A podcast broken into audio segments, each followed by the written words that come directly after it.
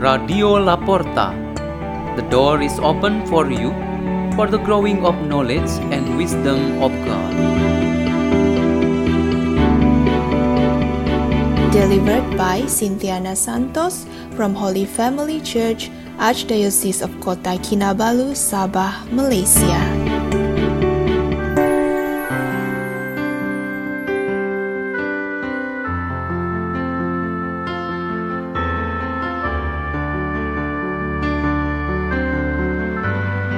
Reading and meditation on the Word of God on Friday of the 28th week in Ordinary Time, October 15, 2022.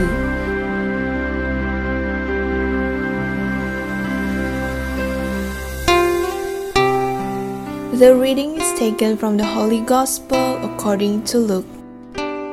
At that time, so many people were crowding together that they were trampling one another underfoot.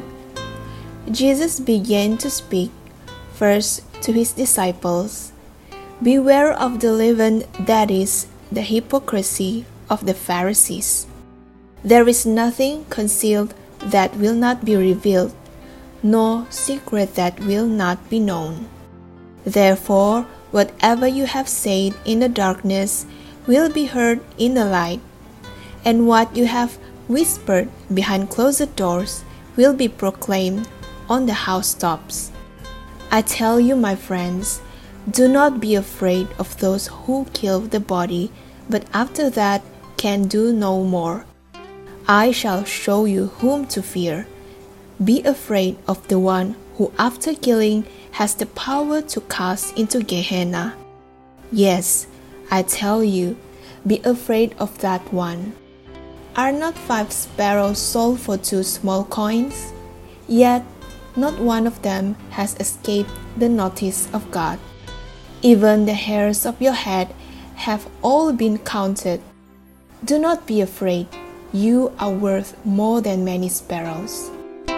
The Gospel of the Lord.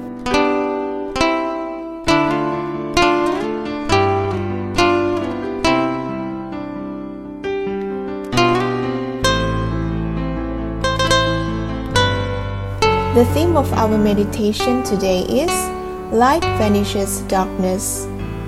There was a fifth grade elementary student named Anto who screamed hysterically and cried in his room at midnight. He had a nightmare where he was chased by some wild animals. His father immediately went into the room, turned on the light, and calmed the son. Anto's fear slowly disappeared but he asked his father not to leave him. The father must sleep with him.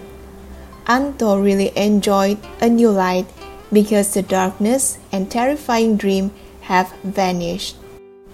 For God and His power that we all believe in, that darkness is an enemy that must be defeated. Satan, with all his tricks and wickedness, play its main role in this darkness. There are many men and women who follow Satan in darkness. The darkness indeed blocks our eyes to see. Our hearts also cannot see things in spiritual aspect when sin and evil really darken our minds and hearts. The gospel readings this day of our daily celebration of liturgy illustrate how strong and even severe acts of Jesus toward the hypocritical attitude. Hypocrisy is, in principle, a pattern of living in darkness. Originally, hypocrite means actor, that is, a person who acts and becomes as if someone or something which is not his or her real self. Jesus fought this attitude till the end of his life on earth. The hypocritical people act and appear really good and holy for others to see but in fact, they are evildoers and troublemakers. The hypocritical people love to wear masks to cover their weaknesses and evil plans, and this really reveals their darkness life. They always worry that light will confront their darkness, then finally reveal their secrets. They actually bear a heavy burden and have a miserable life. At first, they fear of themselves because in certain point of life they will not be able to maintain his darkness that always protects them. They also are afraid of other people and the Lord as well because time will come when their lies and hypocrisy will be known by the public. So, to remain true followers of Christ, we need to stop being hypocritical. This darkness surely will not last forever. God and His angels include those around us, plus the help of the advancement of communication tools today, sooner or later will reveal everything from its hidden darkness. St. Paul, in his letter, which is our first reading today, affirms that our life must be guided by the Holy Spirit in a life of light. The darkness vanishes, and we must maintain this precious life. Let's pray.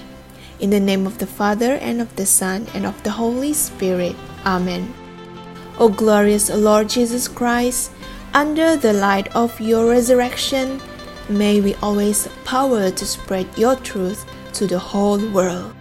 Glory be to the Father, and to the Son, and to the Holy Spirit, as it was in the beginning, it's now, and ever shall be, world without end. Amen. In the name of the Father, and of the Son, and of the Holy Spirit. Amen. Radio La Porta. The door is open for you.